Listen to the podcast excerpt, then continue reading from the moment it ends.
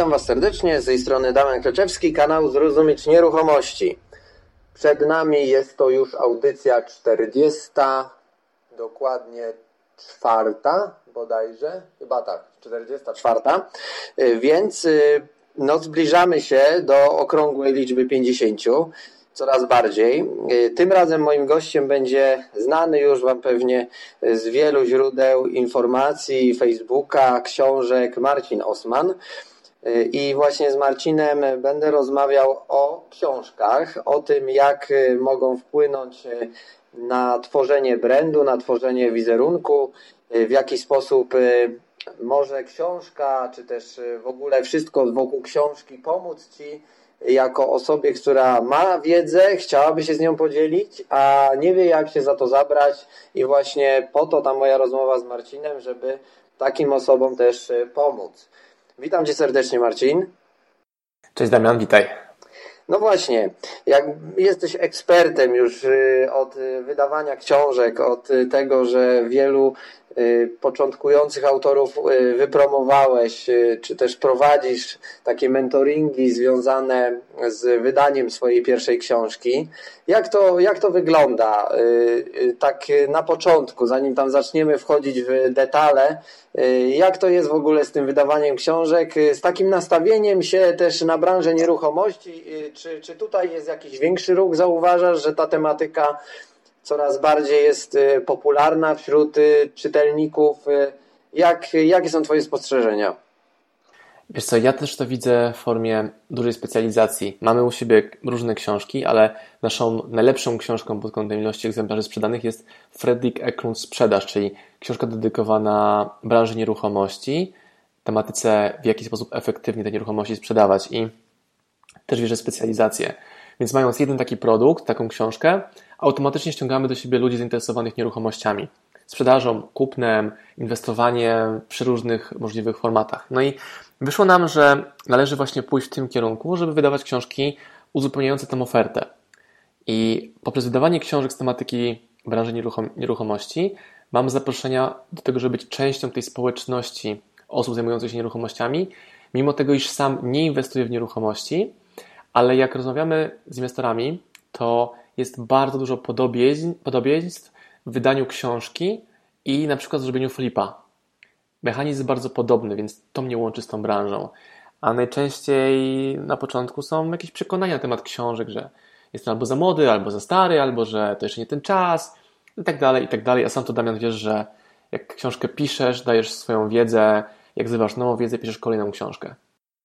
No dokładnie. I tutaj na pewno taka książka, ta pierwsza szczególnie, otwiera pewne niejedne drzwi, nawet bym powiedział, do budowania sobie sieci kontaktów, bo tak było też w moim przypadku, że właśnie ta pierwsza książka, która okazała się e, bardzo dużym takim moim prywatnym sukcesem, dała nie tyle, znaczy nie tyle zbudowała y, pozycję y, tego, że, że się już y, człowiek staje bardziej rozpoznawalny w danej branży, czy też y, y, wychodzisz na, na taką pozycję ekspertyzy, gdzie, gdzie ludzie zaczynają się z tobą i liczyć, ze, jakby z twoją wiedzą się liczą, y, doceniają to, y, cieszą się, że mogą w sposób relatywnie tani do takiej wiedzy dotrzeć, bo tak było w przypadku tego poradnika. Y, I jak myślisz, co warto jakby ujmować w takich poradnikach? Co się sprzedaje? Jakie treści? Bo, bo widzisz, u mnie na przykład y, była o tyle specyfika, y, jak, jak się zapoznawałeś y, z moim poradnikiem, że była to książka taka bardzo instruktażowa, nieco inna niż typowe takie książki, w których jest treść i się ją po prostu czyta. U mnie były to punkty, które się robi. I y, co według Ciebie, jakby, jakie są, jakie są trendy, jak, jak, jakie tu masz y, przemyślenia odnośnie y, treści, które dzisiaj ludzie chcą czytać? Wiesz co, widzę dwie, dwa różne światy. Jeden świat to jest świat autora, a drugi to jest świat czytelnika. I zauważyłem, że wielu autorów całkowicie odkleja od swojego procesu planowania wydania książki wzięcie pod uwagę czytelnika. My robimy tak, że rekomendujemy początkującym autorom, nieważne jak duże doświadczenie biznesowe oni mają, żeby rozpoczęli od sprzedaży, dopiero później pisali i dopiero później wydawali swoją książkę. Czyli cały ten proces odwracamy do góry nogami i jeśli proces walidacji tego procesu książkowego rozpoczniesz od pytania ludzi, czego oni potrzebują, od zbadania ich potrzeb i dania im dokładnie tego, czego potrzebują, wtedy masz bardzo dużą łatwość, albo znacznie większą łatwość w debiucie Twojej książki, aniżeli pisaniu książki wiesz, przez pół roku w zamkniętym pokoju, bez angażowania społeczności w cały ten proces. Więc my rekomendujemy tak. Jeśli masz wiedzę ekspercką, spisz sobie listę pytań, jakie najczęściej otrzymujesz od swoich klientów, współpracowników, Twojego otoczenia, które uważa Cię już za eksperta w tej dziedzinie i to będzie Twój core, czy główna myśl książki. I później pisanie książki tak naprawdę to jest odpowiadanie na pytania czytelników. Mówimy o książkach, które mówią how to, czyli książkach podręcznikowych, poradnikowych, pokazujących dokładnie, jak krok po kroku przejść przez jakiś proces. Ewentualnie o książkach o charakterze, nazwijmy je, autobiograficznych poradników, gdzie ktoś na przykładzie swojej historii kładzie konkretne lekcje. Tak jest z książką zarówno Fredrika Eklunda Sprzedaż, jak i Josha Altmana Twój Ruch, że oni opisują swoją historię życia i na niej nakładają konkretne lekcje, które według nich pomogły mu znaleźć się, im, pomogły im znaleźć się w miejscach, w których teraz się znajdują. No właśnie, bo książka, książka pozwala właśnie y, przenieść y, powiedzmy tego czytelnika w pewien świat y, autora. I teraz to, o czym mówisz, żeby taka osoba, która by chciała napisać książkę, najpierw zbadała rynek.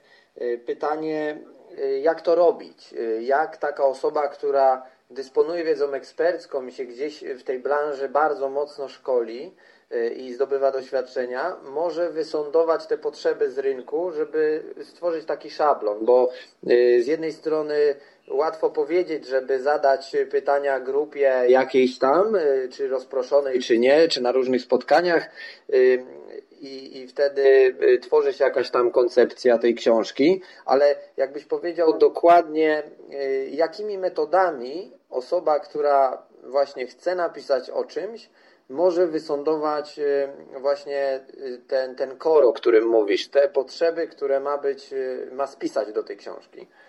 Oczywiście, wiesz, najczęstszy błąd widzę taki, że ludzie myślą, że zapytanie o opinię na temat projektu książka, którą tworzysz teraz, to jest wszystko, co trzeba zrobić. A ja uważam, że nie można ufać opiniom ludzi, których pytasz na przykład, nie, hej Tomek, pisze o nieruchomościach, czego chciałbyś się dowiedzieć. On mówi, no chciałem się dowiedzieć, nie wiem, jak inwestować na przykład w poddasza. Dobra. I goście sobie zbierają takie informacje. Mówią na przykład, że 15 osób jest zainteresowanych poddaszami, e, nie wiem, 3 osoby inwestowaniem w garaże, a ktoś jeszcze inny w flipach e, kawalerek, pod, pod kątem kawalerek. A ja mówię, feedback jest dobry pod warunkiem, że jest potwierdzony, zatwierdzony przelewem, płatnością w tym momencie walidacji. Czyli jeśli pytasz kogoś o opinię, o czym chciałby się dowiedzieć, mówisz mu, dobra, napiszę o tym, to teraz następuje etap przedsprzedaży, w tym momencie już. Ja zadaję, zadaję proste pytanie, czy w takim razie nic nie stoi na przeszkodzie chyba, abyś dzisiaj mi za tą książkę zapłacił, dzięki czemu ta książka szybciej powstanie. I znam też przedsiębiorców, którzy mówią, nie, nie potrzebuję jakichś pieniędzy, to są 4 dychy za książkę, czy 50 zł za książkę, ale nie chodzi o to, chodzi o sprawdzenie, czego naprawdę potrzebuje czytelnik, a według mnie to dzieje się tylko i wyłącznie wtedy, jak on zapłaci za książkę, o której teraz mówimy, którą walidujemy. I ja to rozróżniam. Mówimy o badaniu marketingowym, które nie kończy się przelewem, jest to tylko chęć kupienia czy przeczytania Twojej książki, ale walidacja, którą my stosujemy, oparta jest na tym, że klient płaci za książkę na momencie przedsprzedaży, przez to dokładnie wiemy, kto jest odbiorcą, jakie ma pytania, jaki jest jego profil i jakie rzeczy go interesują. I to znacznie zmniejsza ryzyko, zarówno czasowe, jak i finansowe. A słuchaj, tak zauważam, że w, można powiedzieć w ostatnim, no nie wiem, ostatnim roku czy półtorej y, powstało co najmniej kilka, jak już nie prawie kilkanaście książek w formie elektronicznej czy też y, papierowej y, o tematyce poradnictwa w nieruchomościach. I czy ten jakby sektor już się nie nasyca, bo to jest dość wąska branża nieruchomości. Patrząc na, na, to się nie pisze o całej gospodarce, o tym, co warto inwestować w ogóle, y, bo tu jest zbyt szeroka tematyka, ale właśnie te nieruchomości. I teraz y, powstało ileś tych książek, iluś autorów, y, którzy przekazują różną wiedzę, częściowo y, no nie sposób nie powielić jakichś pewnych y, konstrukcji myślowych, czy, czy też działania, dlaczego warto inwestować w nieruchomości, czy tam podobieństwo pewnych metod. Y, czy też optymalizacji różnych procesów y, w ramach y, całości działań w nieruchomościach. Jak, jak zauważasz jako wydawca, jako osoba, która promuje też autorów i, i, i jest na bieżąco w tej branży, czy jest to moment, gdzie się zaczyna ten rynek nasycać taką literaturą, czy dalej tu widzisz dużą Y, przestrzeń na jakieś poszczególne y, działki y, właśnie typu poddasza, typu tylko kamienice, typu na przykład modele finansowe do inwestowania. Jak tu byś widział pokierowanie pod kątem, że tak powiem, jeszcze większej może specjalizacji? Czy to ma sens?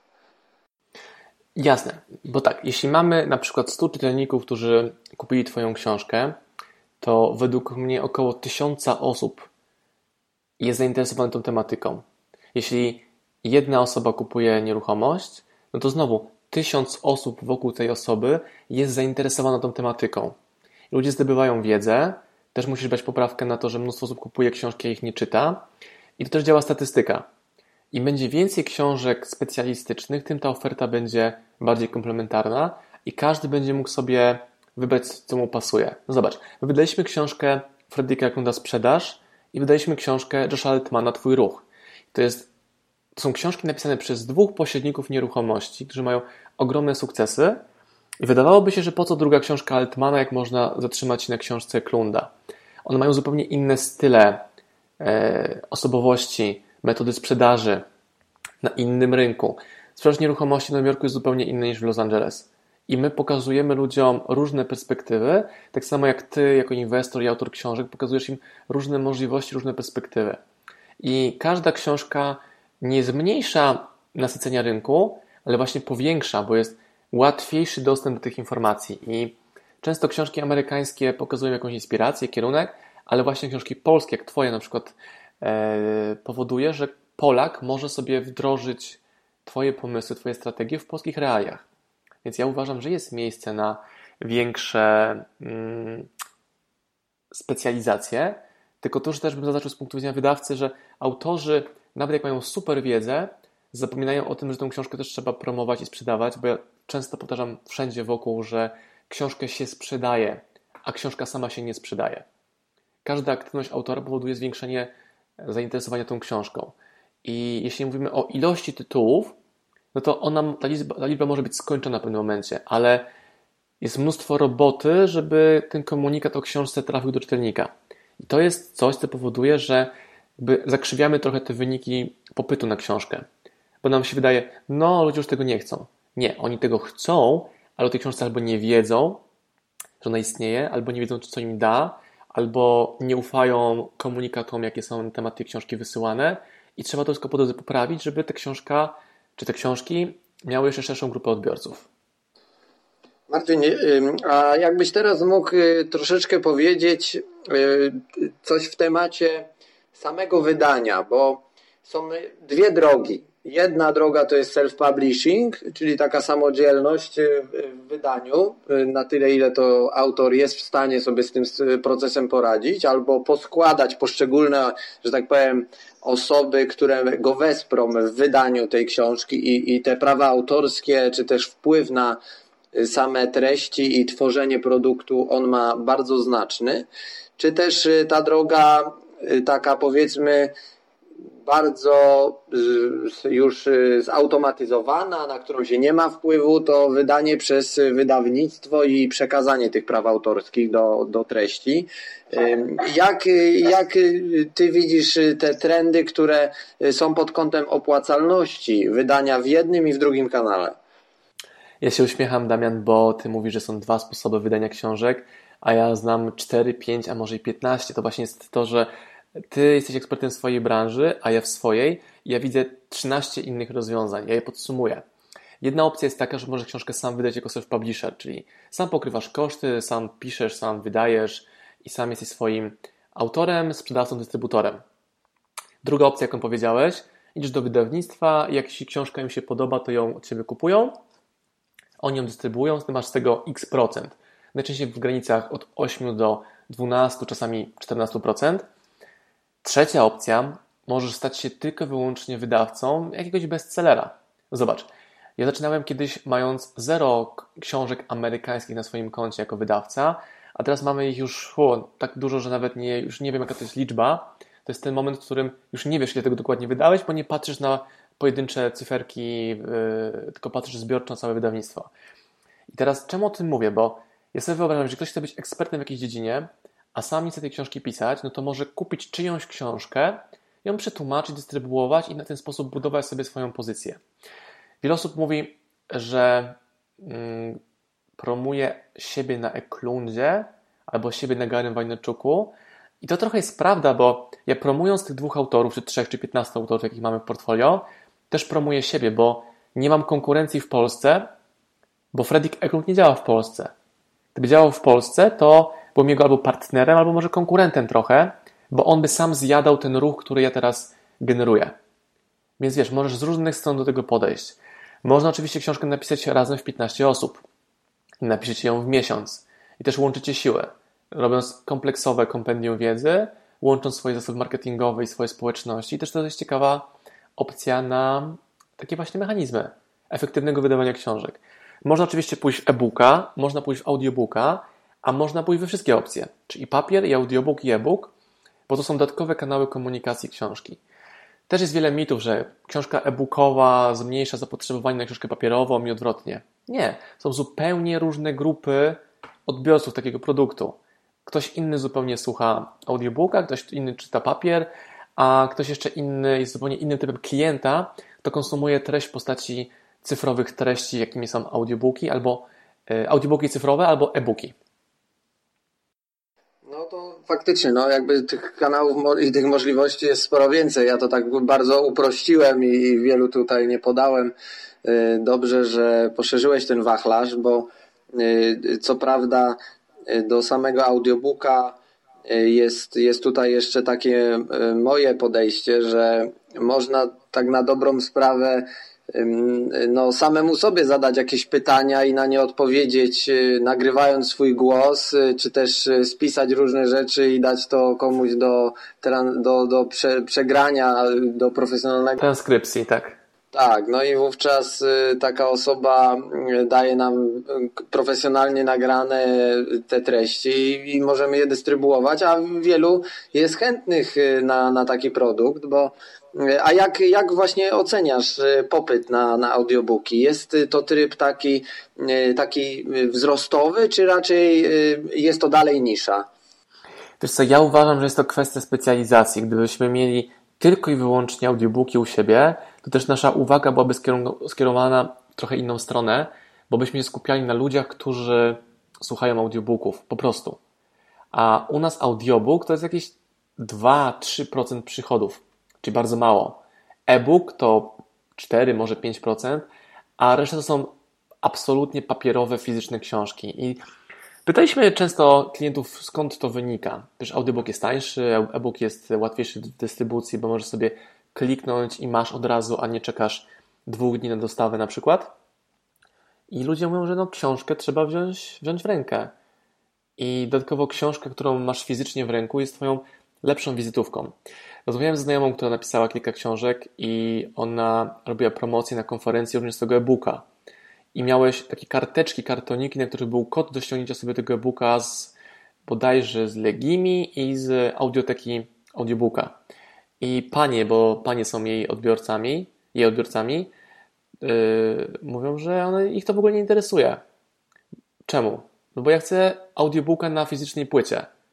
No ale przecież to jest ten sam plik, który sobie ściągniesz online. Ona mówi, no ale jak zgubię tą, ten kod, a ta moja znajoma pyta, no dobra, a jak zgubisz e, CD-ka? I tak dalej, i tak dalej. Jest wiele schematów i przekonań w głowie, które ludzie próbują lekceważyć, a rynek mówi coś innego. Ja mówię na podstawie danych, twardych danych z naszych e, transakcji, a nie moich wyobrażeń na temat rynku wydawniczego treści cyfrowych w Polsce. To jest ta różnica, że zarówno ty, Damian, jak i ja skupiamy się na praktycznych aspektach, bazujemy na własnych danych i też nie dajemy się mamić, wiesz, czy oczu jakimiś raportami branżowymi. Nie wiem, czy się ze mną zgodzisz.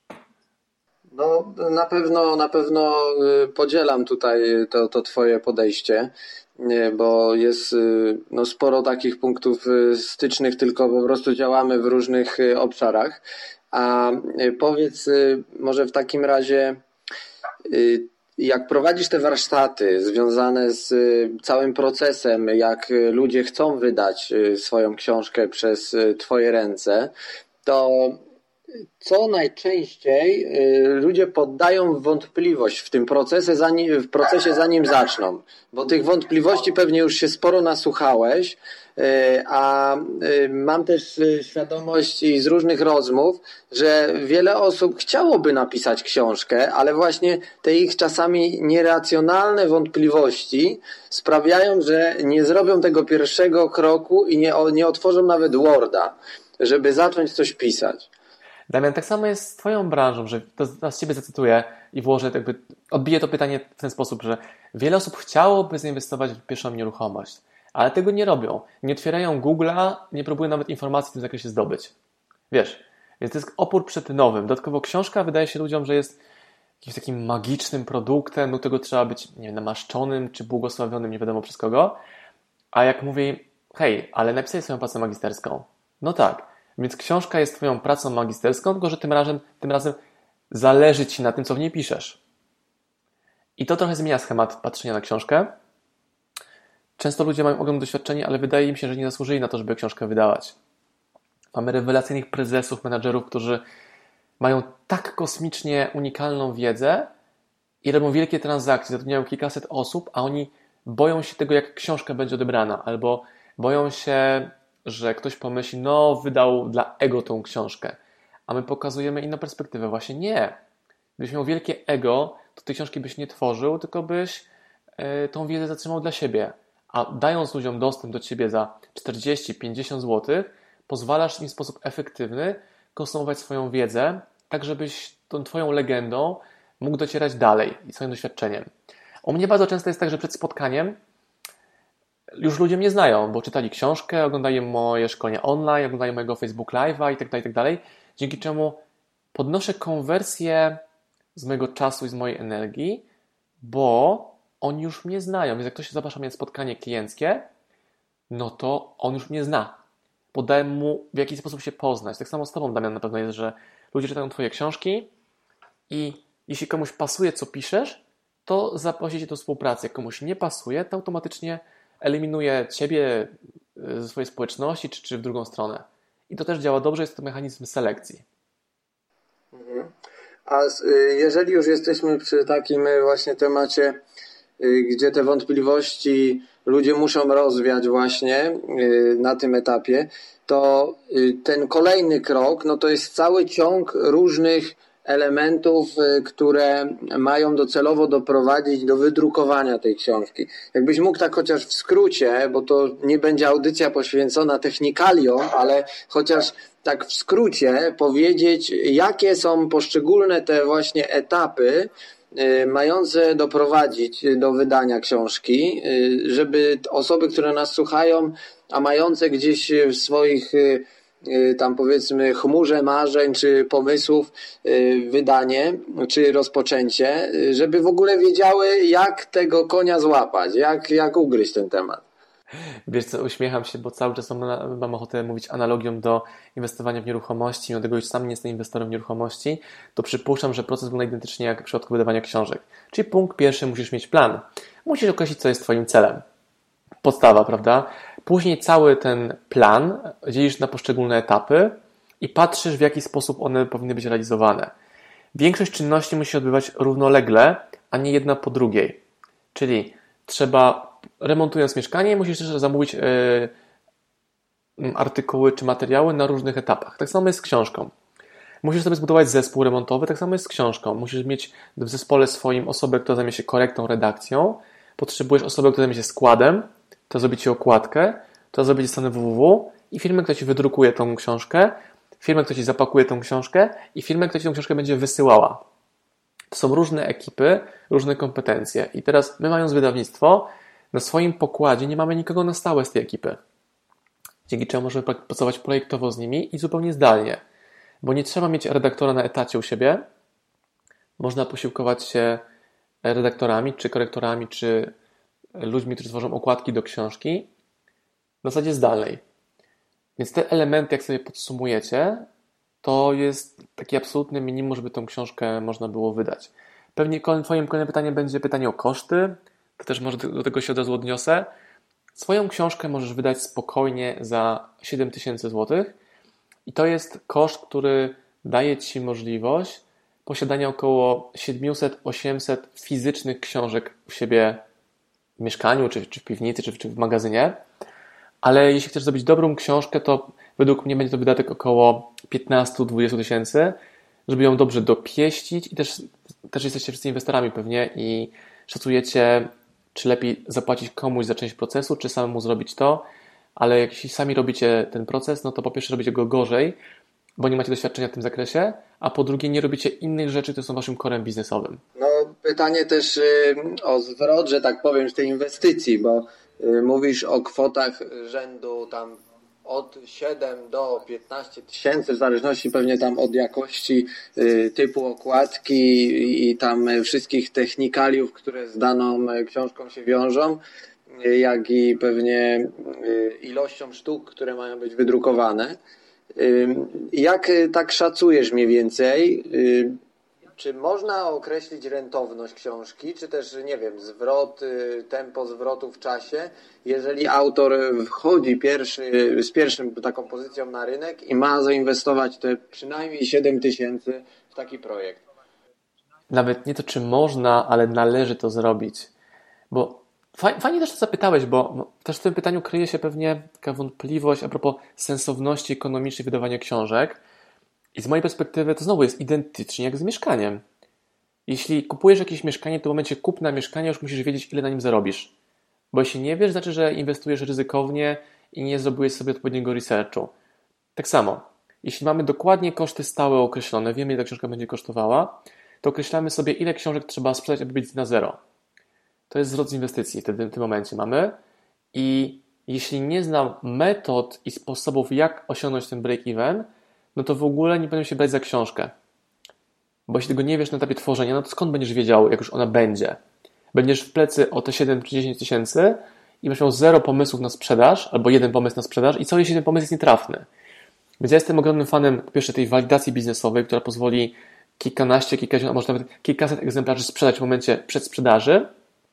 Przez to masz komfort, że tworzysz produkt, którego potrzebują ludzie i w kolejnym kroku budujesz sobie zestaw narzędzi, partnerstw, influencerów, społeczności czy dystrybutorów, które daje Ci gwarancję tego, że zmniejszasz ryzyko.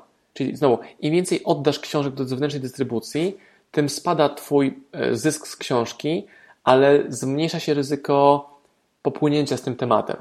Więc znowu, jeśli nie wiesz, jak sprzedać tysiąc egzemplarzy książek swojej, no to w ogóle za to się nie bierz albo poświęć czas na to, aby dowiedzieć się, co dokładnie punkt po punkcie musisz zrobić, aby ta sprzedaż się zadziała i dopiero w drugim kroku bierz się za sprzedaż tej książki. Za jej pisanie, wydawanie. No ale zobacz, jeżeli ktoś e, by nie chciał się zajmować e, z racji swojego zaangażowania w jakieś tam realizacje bieżące różnych tam e, powiedzmy projektów, nie chciałby się zajmować samym procesem Y, wydawniczym czy też promocyjnym, y, tym, który ma przynieść y, właśnie te oczekiwane zyski, to czy ty na przykład jesteś w stanie powiedzieć, na ile opłacalne dla autora jest od, pełne oddelegowanie procesu? Bo ja na przykład lubię e, różne rzeczy e, outsourcować i wówczas e, mam więcej czasu na inne kwestie, które są dla mnie bardziej rentowne i to łatwo jest mi obliczyć, bo inwestowanie w nieruchomości, kiedy zrobię jedno mieszkanie, czy drugie, czy pięć, zarobię na nich w krótszym czasie dużo więcej niż w przypadku książki, która nawet by mogła być bestsellerem w branży, ale ten bestsellering będzie się pewnie wiązał z tym, że nie wiem, zostanie sprzedana w liczbie tam ileś tam y, powiedzmy tysięcy, a nie milionów egzemplarzy w tym przypadku. Nie? No jasne, to masz kilka opcji. Jedna jest taka bardzo klasyczna, idziesz do wydawcy, który zajmuje się całym procesem, on ci z tego wypłaca 8 do 15% prowizji autorskiej. To jest najprostsza opcja. Druga opcja. My mamy taką usługę dla osób, które mają ogromne kompetencje, mega know-how i doświadczenie i ta usługa nazywa się Książka Prezesa. Polega to na tym, że w 100% bierzemy z Ciebie cały proces wydawniczy, ale różnica jest taka, że masz prawo do 100% przychodów z książki, bo kupujesz u nas usługę wydania tej książki. Czyli inwestujesz, to kosztuje między 40 a 50 tysięcy taka usługa u nas i masz w tym 1000 egzemplarzy książek, gdzie dokładnie pokazujemy Ci, jak trzeba komunikować, produkować, dbać o partnerstwa z tą książką.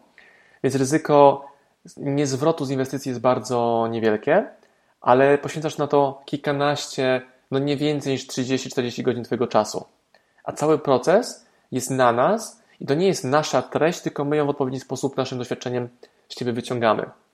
I taki produkt u nas kupują prezesi, menadżerowie, którzy tą książkę później rozdają na swoich warsztatach, szkoleniach, prezentach e, świątecznych i też później pomagamy im w dalszej dystrybucji.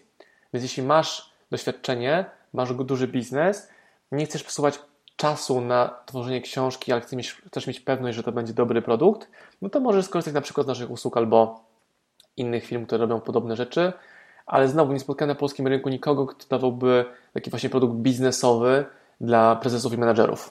Ale tu mam na, y, y, tutaj masz na myśli to, że taka osoba wówczas y, nawet nie pisze tych treści w Wordzie, żeby wam przekazać? Wiesz, największą trudnością jest, czy umiejętnością właśnie, umiejętność przekładu słowa mówionego na słowo pisane. To jest zupełnie coś innego niż transkrypcja wywiadu z autorem i później powstają książki pod tytułem Wywiad rzeka. U nas chodzi o to, że tworzymy całą ramę tej książki i my odpowiadamy za stworzenie takiej książki, której będzie potrzebował rynek i konsument i końcowy czytelnik. Więc na nas dajesz odpowiedzialność za stworzenie właściwej ramy książki, wyciągnięcie z Ciebie z autora odpowiedniego kontentu w odpowiedni, bardzo efektywny, szybki sposób i później złożenia wszystkiego w taki um, produkt książkowy, który będzie przyjęty przez rynek z dużym entuzjazmem. W dużym skrócie. Marcin, jeszcze chciałem zapytać o taką rzecz. Y, y, powiedz może, co może aktywizować czytelnika y, w treściach książki? Takie ogólne pytanie. Co rozumiesz przez aktywizować w treściach książki? Chodzi ci o pytania, ćwiczenia? Wiesz, książka ma być pewnym instruktarzem do działania. Tak przynajmniej, taka jest przynajmniej moja filozofia tych, tych treści, które gdzieś przekazuję w, powiedzmy w formie pisanej, czy przez swoją pierwszą, czy przez drugą książkę. I to, żeby osoby działały y, w określony sposób, y, do, y, żeby osiągnąć jakieś założenie, które ma, ma być osiągnięte poprzez tam zrealizację kroku 1, 2 czy 4, że tak powiem.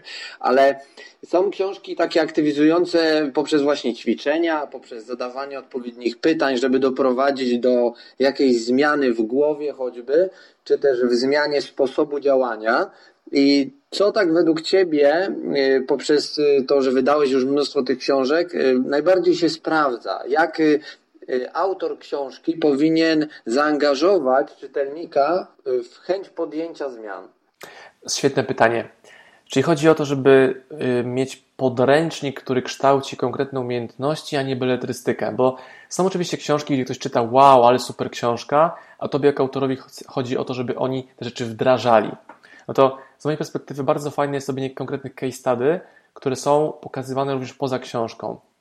Pokazywanie, że to, co robisz, autentycznie działa i przez bycie w kontakcie ze społecznością czytelników. Teraz zrobię Facebooka, jest to super proste, bo czytelnicy tagują Cię, wrzucają Twoje zdjęcia, zadają dodatkowe pytania, więc znowu pokazywanie konkretnych case study jednego czytelnika, który wdrożył to, co Ty mu rekomendowałeś w książce, powoduje, że ludzie jeszcze bardziej tym utożsamiają, bo widzą, hej, to nie jest jakiś tajemniczy dar autora, ale również umiejętnością, jaką ten autor ma, jest uczenie innych w sposób skuteczny.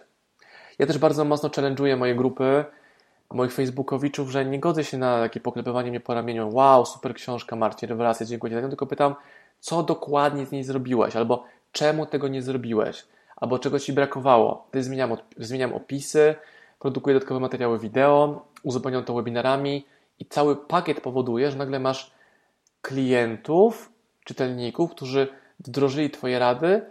I jeśli oni je wdrożyli i one działają, no to masz ambasadorów Ciebie, Twojej marki na zawsze. Ja też jestem fanem dużej skuteczności działania, a nie, wiesz, takiego poglabywania się po ramieniach i ale super fajna książka. Nie, nie.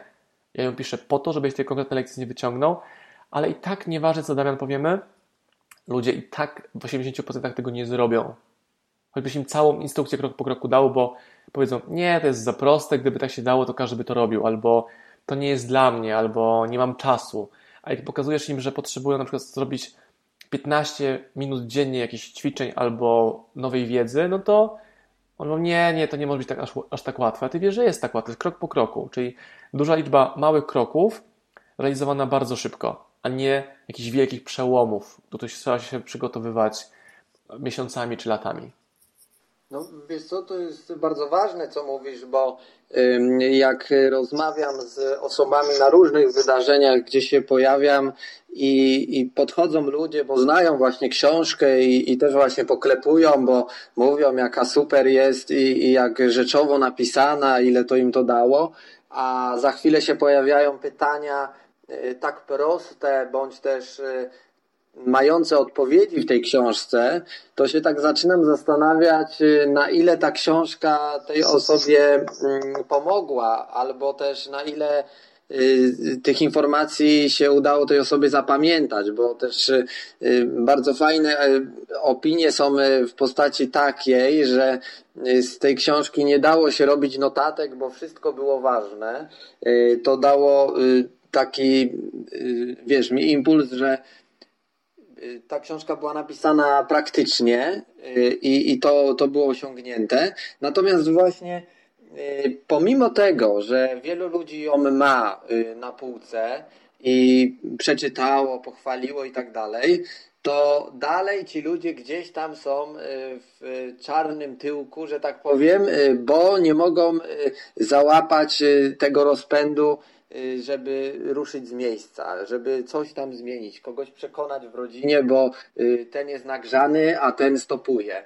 Y, tutaj czasami względy rodziców decydują, że rodzic nie każe, bo kredyty, czy tam w ogóle duża gotówka wypuszczana ze skarpety jest największym grzechem, jaki może popełnić e, dziecko, które ma być wychowane w duchu pracy etatowej. I, i, I powiedz mi, jak to jest tą mentalnością e, czytelnika, że właśnie na ile on sobie tylko tą książkę czyta, e, czy tak jak twoje książki, czy twojego autorstwa, czy te, które wydałeś, na ile on sobie czyta, a na ile cokolwiek robi, czy to jest mierzalne, czy w jakiś sposób miałeś jakąś powiedzmy statystykę tego, że choćby taką, wiesz, pobieżną statystykę, że, że dało ci to satysfakcję, że wielu ludzi zaczęło się odbijać, coś innego robić i przynosić konkretną kasę do domu, bo y, wyczytały takie możliwości akurat y, w tych książkach, które gdzieś tam y, byłeś autorem. Jest jakieś ogólne liczby, to są bardziej moje obserwacje, przemyślenia, nie twarde dane. To mi, wyda mi wydaje się, że zarówno ty, jak i ja celujemy tych 10, może 5% osób, które nasze książki, czy webinary, czy audycje słuchają, bo to jest grupa osób taka jak ty i ja, my w tych 5% jesteśmy, która poszukuje wiedzy po to, żeby coś zrobić, a nie poszukujemy wiedzy dla rozrywki, czyli nie czytamy swoich książek nawzajem dla beletrystyki, ale szukamy konkretnych odpowiedzi na konkretne pytania. Czyli my na przykład wydaliśmy w Polsce książkę Garego Wajnerczuka, Zapytaj Garego. To jest książka o marketingu internetowym, o biznesie internetowym. I tam są wszystkie pytania, jakie może ci się pojawić, jakie mogą ci się pojawić w głowie. Ja mówię ludziom, w tej książce są odpowiedzi na wasze pytania. Oni ją kupują, mówią, wow, robią sobie z nią zdjęcia, a później mi zadają pytania, na które odpowiedzi są w książce. I na przykład komplementują mnie, wow, Marcin taki kreatywny jesteś, wow, Marcin masz tyle, nie wiem, wideo w internecie, a ja wiesz co robię? Ja jadę punkt po punkcie dodając strategię od Gary'ego Wojnarczuka, dając to polskie spojrzenie, dopasując do polskiego rynku te rzeczy, że mówią, wow, ale jesteś mega. A ja po prostu robię to, co w tych książkach jest. I też ludzie, mam wrażenie, że są bardzo często konsumentami treści, a nie producentami. Czyli ty też napisałeś książkę, komunikujesz w, w audycjach, występujesz na konferencjach, czyli masz rolę producenta treści, a nie konsumenta, bo gdybyś zajmował się konsumpcją wiedzy cały czas, no to nie miałbyś czasu na, na robienie tego.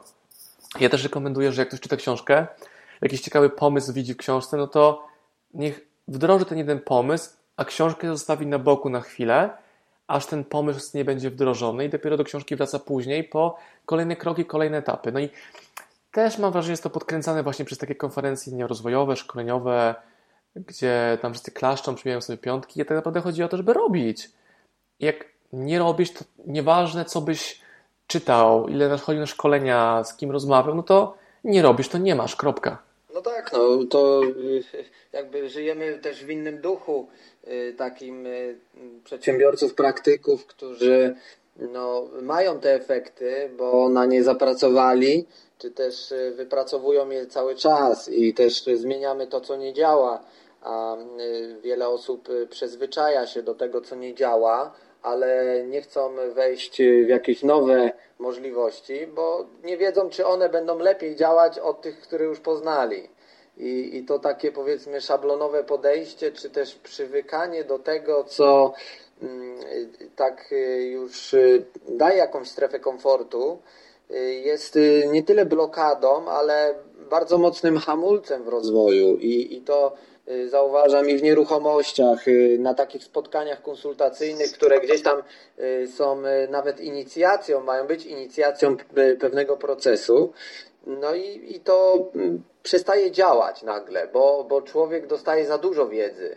I teraz pytanie, Marcin, takie, czy nie jest czasem tak, że jest za dużo wiedzy i ludzie nie wiedzą, z czego wybrać? Coś w tym jest, bo jak wydajemy nową książkę, to ja muszę wytłumaczyć mojej społeczności, o czym jest ta książka, dlaczego jej potrzebują, co mogą w niej znaleźć. Jeśli oni tylko będą patrzyli na półkę, taką, wiesz, przynośni półkę z książkami, no to będą widzieli różne kolorowe okładki, nie wiedzą, po którą sięgnąć, więc według mnie rola nowoczesnego marketera i sprzedawcy internetowego polega na tym, żeby wskazać klientowi, w którym produkcie, w której książce co zobaczy. Czyli nie pójście do Empiku, wybranie pięciu książek z kategorii biznes, tylko wybranie jednej książki online po dokładnym przestudiowaniu opinii, rekomendacji i lekcji, jakie można z tej książki wyciągnąć. I znowu, żeby uczyć się snajpersko, konkretnie czego potrzebujesz. Ja permanentnie chłonę wiedzę w zakresie tego, jak skutecznie sprzedawać online, ale jest tak dużo metod, metod na sprzedaż online, że no nie możesz każdej metody znać na wylot. Więc ja się specjalizuję na przykład w Facebooku a nie w Snapchacie. Mimo tego, że wiem, jak działa jedno i drugie, no to więcej energii daje Facebook, bo nie jestem w stanie każdego medium rozpracować. Można chodzić na konferencje branżowe, natomiast ja unikam tych, na których ludzie nie mówią o własnych przykładach. Czyli tak jakbyś ty, Damian, mówił o inwestowaniu nie, w nieruchomości zrobione przez Trumpa, dajmy na to. Ty mówisz o swoim podwórku. Ja na każdej mojej konferencji, wystąpieniu, czy nawet na treści wideo, które tworzę na Facebooku, mówię o tym, co sam zrobiłem, co przetestowałem, co działa, a nie o case'ach Coca-Coli czy McDonalda w zakresie jakichś kreatywnych kampanii marketingowych. No, no nie, no bo małe przedsiębiorstwo, średnie, nawet duże, nie jest w stanie bez takiego budżetu kosmicznego wdrożyć tego, co robi Coca-Cola. I tam kreatywny pomysł, dopalony kosmicznym budżetem, działa. Ale kreatywny pomysł z małym budżetem nie zawsze będzie działał w przypadku małego biznesu, bo trzeba to ciągle testować. Mało tego, te platformy się zmieniają. Zobacz, na Facebooku na przykład mnóstwo ludzi komunikuje swoje rzeczy fanpage'ami. I sytuacja jest taka, że mają kilkuset przyjaciół w swoim koncie prywatnym, a o połowę mniej na przykład lajków, czyli obcych osób na swoim fanpage'u. Ja myślę, no dobra, ale w takim razie po co mieć fanpage, na którym jest mniej ludzi niż na Twoim koncie prywatnym? To jest bez sensu. Ale oni nie wiedzą, że mogą używać konta prywatnego do komunikacji biznesowej, co ja robię permanentnie już półtorej roku bardzo świadomie i mając kosmiczne wyniki z każdym miesiącem większe jeszcze, używając konta prywatnego. Też tutaj dochodzimy do takiej kwestii, takiej kwestii hakowania narzędzi. Ludzie patrzą na konto prywatne, no na koncie prywatnym mam kontakt z przyjaciółmi, a ja mam konto prywatne, którego używam do sprzedaży promocji moich usług. Kropka. A powiedz, jak już jesteśmy przy Facebooku, jakimi metodami y, ty się kierujesz, y, czy może tak, jakich powiedzmy metod używasz do tego, żeby zachęcić ludzi do wygenerowania większego ruchu, bo są czasami takie y, y, niszowe tematy właśnie, typu właśnie adaptacja strychów, czy też stworzenie jakiejś grupy takiej, która zechce na dany temat dość wąski rozmawiać. I skąd tych ludzi pozyskać na właśnie fanpage, jak roz, rozdmuchać, że tak powiem, tą tematykę w środowisku facebookowym. Oczywiście bez wchodzenia tam, że możesz kupić promocję, jakąś tam wypuścić przez, opłacić jakąś tam powiedzmy aplikację na Facebooku i on zrobi za ciebie ten proces, ale z poziomu użytkownika są jakieś takie możliwości. Jasne, mówisz o ruchu organicznym, naturalnym, pewno. Po pierwsze, pyta pierwsze pytanie zadajesz sobie pytanie, kto ma Twoich klientów? I idziesz do tej grupy. I ta, cała strategia komunikacji polega na tym, że musisz dać swoją wiedzę ekspercką zupełnie za free i im więcej tej wiedzy rozdajesz, komunikując dobrze, gdzie oni mogą później kliknąć, jak tobą się skontaktować, tym więcej okazji do Ciebie przychodzi. Teraz, jeśli ja na moim Facebooku mam 5000 znajomych plus tam ponad 3000 obserwujących, to jest stan na luty 2017, to w tej grupie jakieś 80% osób to są moi klienci, osoby, które kiedykolwiek coś u mnie kupiły albo kupią, a tylko mała część jest zainteresowana tym, nie wiem, co jadłem na obiad. A to się dzieje dlatego, że ta społeczność się wymieniła. Jeżeli zaczynasz komunikować w swoich społecznościach prywatnych o tym, co robisz biznesowo, nagle twoi przyjaciele się odznaczają, usuwają, ale znowu na ich miejsce przychodzą osoby tematem zainteresowane i nawet jeśli nie masz wokół siebie osób tym tematem zainteresowanych, o którym piszesz bezpośrednio, to twa, społeczność, którą teraz masz, ona będzie Twoim łącznikiem z tym światem na zewnątrz. Rozumiesz? Że oni, jeśli nie są Twoimi klientami, bo tego produktu nie potrzebują, czy tej usługi, czy tej wiedzy, to oni zaproszą innych, którzy tego potrzebują do Ciebie, albo Ciebie połączą z nimi. Będą takimi przekaz... pośrednikami, przekaźnikami, to jest chyba lepsze słowo, do których dotrzesz do swojej właściwej grupy. Więc dobre, wartościowe, wartościowe merytoryczne, długie treści dające odpowiedzi kompleksowe na pytania, na wąskie tematy, ale kompleksowo, zbudują pozycję eksperta przy użyciu darmowego ruchu absolutnie organicznego. No a powiedz właśnie a propos tego rozdzielenia tej prywatności i publiki, y, kiedy mówisz, że używać, że warto używać konta prywatnego do promocji nie tyle siebie i swoich usług, co w ogóle y, budowania marki też przez konto prywatne. Y, jak i ten fanpage niejako w połączeniu, y, czy też y, jest może potrzeba taka, że lepiej taką prywatność też zachować, żeby mieć tych na przykład. Dobra, Damian, Damian, Damian. Zacznijmy od, zacznijmy od tego, że coś takiego w ogóle jak prywatność nie istnieje. To, że jeśli masz konto prywatne dedykowane swojej rodzinie, to jest ściema, bo każdy twój klient, kontrahent wpisze twoje nazwisko zarówno w Google, jak i Facebooka. Jeśli jesteś przedsiębiorcą czy autorem książki, a na Twoim prywatnym koncie jest impreza z grilla, gdzie jesteś pijany z piwem w ręku i papierosem, to to buduje Twój wizerunek. Kropka. I mówię Ci, ja mam tyle przykładów z naszych mastermindów książkowych, gdzie początkujący autorzy dziwią się, dlaczego tak mocno cisnę ich o porządki na koncie prywatnym, bo to jest najłatwiejsza opcja zobaczenia, kim jesteś, czym się zajmujesz. Nie ma czegoś takiego jak prywatność, chcę sobie rozdzielić e, publiczność prywatną z firmową, ok, ale ja się dziwię takim ludziom, bo widocznie oni mają zbyt dużo wolnego czasu. U mnie każda aktywność online jest aktywnością biznesową. Więc ja nie mam czasu na pierdoły, czy ja nie mam czasu na konto prywatne, gdzie nie mam kontakt z rodziną albo nie wiem, z moim kuzynem z Holandii. Nie, to jest moja społeczność biznesowa. Jeżeli chcę spędzić z kimś czas prywatnie, no to go zapraszam do mnie do domu i gadamy sobie przy winie o życiu i biznesie i nie wiem, i, i kolekcjonowaniu znaczków. Online to jest mój biznes i tam komunikuję rzeczy biznesowe. Jeszcze raz powtórzę, dziwię się ludziom, że mają w ogóle czas na to, żeby się bawić jakimś Facebookiem do rzeczy prywatnych. Tego nie rozumiem. Rozumiem, bo oni nie są przedsiębiorcami na maksa albo potrzebują sobie oddzielić życie prywatno-biznesowego, ale tego w online się nie da i każdego, każdego kolejnego dnia jeszcze trudniej jest o mówieniu o jakimkolwiek rozdzieleniu tych dwóch e, obszarów. No tak, no tutaj e, ciężko jest właśnie dzisiaj tą strefę zachować. Poza tym zawsze można z konkretną osobą po prostu rozmawiać na czacie o sprawach prywatnych, a z pozostałymi komunikować się przez tablicę o sprawach tych związanych z naszym brandem i, i promocją własnych usług, więc ale wiesz co, też mam, mam przedsiębiorców znajomych, którzy się skarżą mi, kurczę, oni piszą mi prywatne wiadomości na Facebooku, zamiast na maila pisać. Zaraz, zaraz, zaraz, ale oni cię piszą z biznesem, tak? No tak, ale przecież tego nie jest Facebook, to nie jest profesjonalne. Ja się śmieję z tego, bo im więcej osób będzie mówiło, że Facebook to jest narzędzie prywatne, albo że nieprofesjonalnie załatwia się biznes przez prywatne wiadomości, to dla mnie lepiej, bo mniejsza konkurencja. Ja staram się ułatwić kontakt mojemu klientowi. Jestem tam, gdzie oni są. Są na Facebooku, jestem na Facebooku, są na Instagramie, jestem na Instagramie.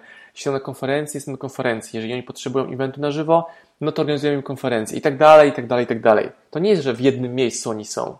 Marcin, a słuchaj, y, a właśnie a propos, jeżeli jesteśmy już przy takich powiedzmy mediach społecznościowych czy kanałach komunikacji do klienta, to jaką ty masz hierarchię ważności, czy też hierarchię skuteczności tych różnych kanałów promocji y, pod kątem właśnie na przykład wydania książki, y, gdzie warto się skupić najbardziej, albo na czym najbardziej się skupić, na którym z tych kanałów, jakie są dostępne wszędzie?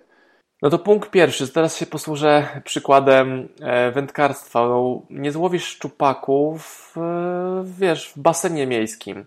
Musisz pojechać tam, gdzie one są, czyli na przykład pojechać do Szwecji, żebyś miał um, możliwość w ogóle złowienia tej dużej ryby. Więc ja też mówię, jeżeli twoi klienci są na Facebooku, masz być na Facebooku. Jeżeli ich tam nie ma, to masz znaleźć miejsce, czy post, czy platformę, na której oni się znajdują.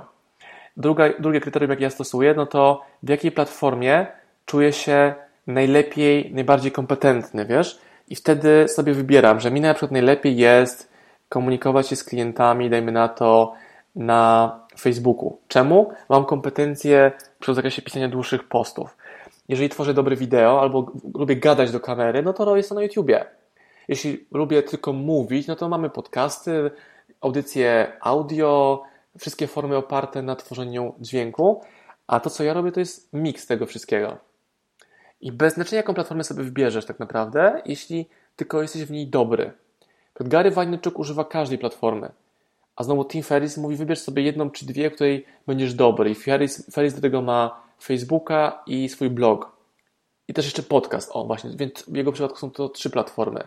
Ja u siebie mam Facebook, YouTube, e, Instagram, podcasty gościnne, jak na przykład u Ciebie, plus wywiady w formie wideo, które są rozsiane w różnych częściach internetu, plus konferencje i to buduje mój biznes. To jest moje główne narzędzie wyrazu i pozyskiwania klienta. I komunikacji z klientem również, to już jest pozyskane. Marcin, bo już prawie godzina naszej rozmowy, y, to zawsze ten czas leci, jak, jak my się spotykamy, to, to się po prostu ten czas y, y, przelatuje momentalnie. A czy coś jeszcze chciałeś może tutaj dodać, bo mi to taki już szablon pytań w związku z tą tematyką taką książkową, z takim podejściem do tego tematu właściwie skończył na tą chwilę a y, zawsze pytam gości, czy jeszcze coś chcą dodać od siebie, y, coś, nie za, coś zapomnieli powiedzieć, albo ja zapomniałem zapytać. Wiesz co, zamknąłbym cały wywiad taką klamrą, jednym zdaniem, czyli to brzmi tak. Czytaj i działaj. Jeżeli działasz bez czytania, no to może ci brakuje jakiejś informacji. Jeśli czytasz, nie działasz, to tracisz swój czas.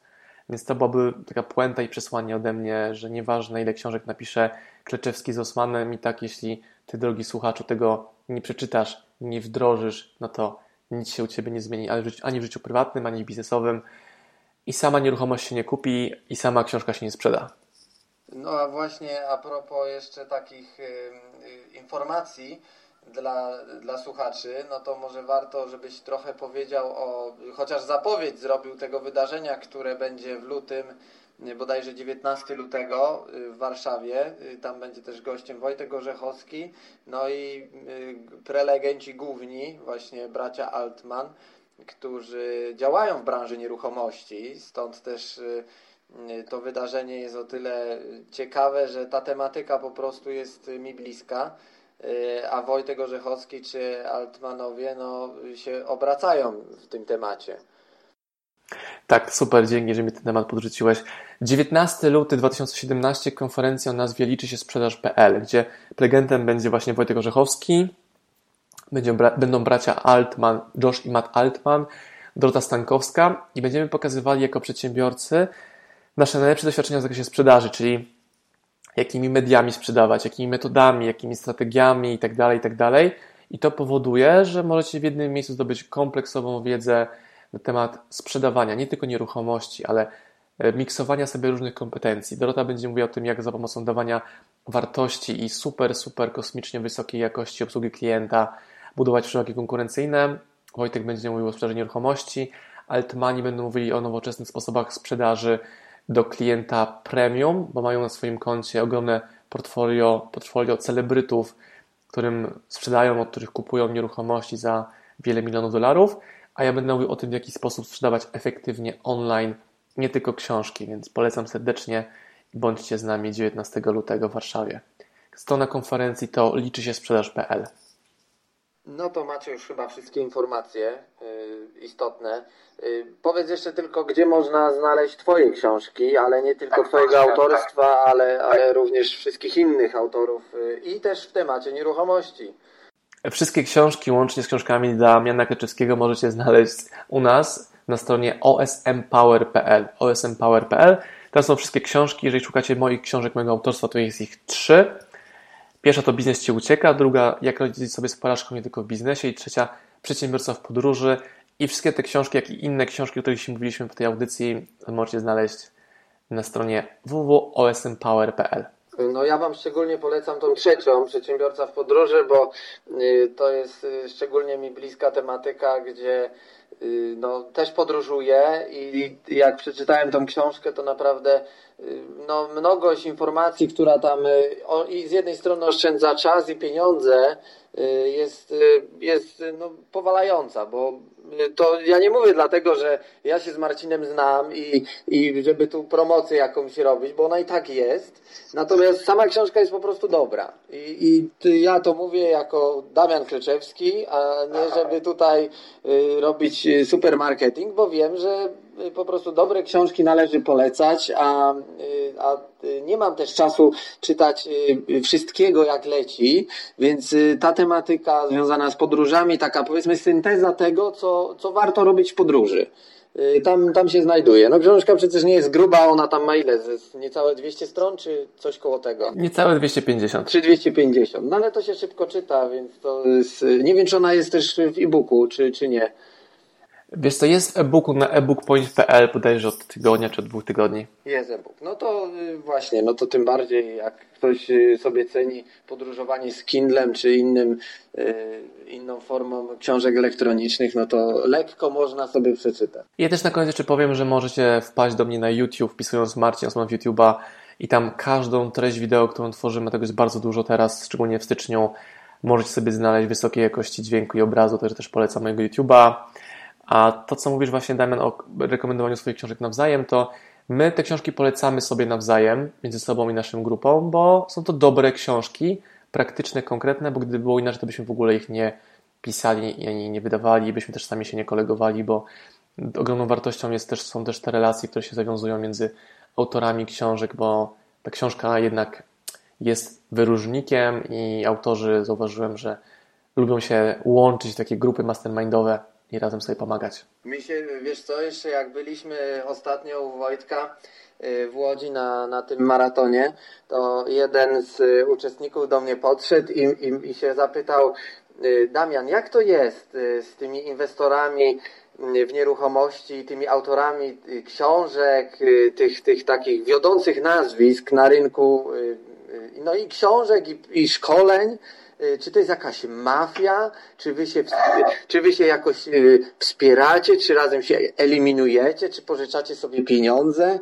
Y, a ja mówię, słuchaj, no my się znamy, cenimy, bo ciężko się nie znać, żeby jeden drugiego gdzieś nie spotkał, bo po to nas ludzie gdzieś zapraszają, po to my robimy wydarzenia, żeby się tą wiedzą dzielić i, i tymi swoimi produktami, ale mówię, my nie jesteśmy mafią, bo każdy ma swoje jakieś tam środowisko odbiorców i, i jedni działają w sposób taki, że promują tylko swoje książki, inni promują tylko swoje jakieś tam mentoringi, inni tylko swoje szkolenia, ale ten przepływ klientów jest i, i właśnie takie spotkania mi pokazują, że Y, ten człowiek był i u tego, i u tego, i u tego i, i wszędzie gdzieś widzi pewne podobieństwa, no i mówię, no i dobrze, mówię, no to korzystaj i zdecyduj się na tego, który daje ci największą e, jakość i frajdę tego, że, że jesteś, ale, ale masz wybór, mówię. Kiedyś tego wyboru nie było i, i była bieda, no. Dzisiaj macie kontestację, macie mm, Osmana, macie y, inne źródła wiedzy, czy też y, całe nawet możliwości kupowania książek, których kiedyś nie było i, i korzystajcie, a to, że tam y, jest tego tyle, no to kwestia umiejętności wyboru tej wiedzy. Ja też, Damian, nie mogę mówić rzeczy tak publicznie, które tam się u nas dzieją w biznesie, natomiast my mamy dobrą współpracę jednym, z jednym z największych wydawnictw w Polsce. Nie mam mowy o konkurencji, czasami tylko się śmieję, że firmy, które czują się zagrożone przez tempo naszego rozwoju, one o nas mówią, że jesteśmy ich konkurencją, a ja wobec nikogo nie mówię, że jestem moim konkurentem, bo robię swoje, nie patrzę na to, co robi konkurencja, tylko patrzę na to, czego potrzebuje klient, na tym się skupiam i przez to każdego miesiąca jesteśmy, śmiejemy się też z Kamilą, e, coraz większym zagrożeniem dla klasycznych wydawców, bo my naprawdę mamy to gdzieś, co oni robią. Robimy swoje. No dokładnie i ta, ta może inność y, będzie wyróżniać y, poszczególne osoby, które będą chciały posłuchać tych wskazówek, które przez tą godzinę czasu Osman i Kleczewski Wam wskazywali i podważali różne dogmaty. Także dzięki Marcin, że, że zechciałeś się, się podzielić, tak, że się podzieliłeś tą wiedzą i, i też swoimi doświadczeniami, bo ten ta audycja jest taka trochę nietypowa, ale, ale też takie y, muszą się znaleźć, żeby nie tylko tak wykładać wszystko na tacy, y, co masz zrobić, co masz zrobić, ale też tak y, trochę poddawać rzeczy w wątpliwość i, i, i żeby się, tak. tak, żeby ludzie się budzili trochę. Dobra, wszystkiego dobrego Wam życzę, trzymajcie się i do następnego podcastu. Trzymajcie się.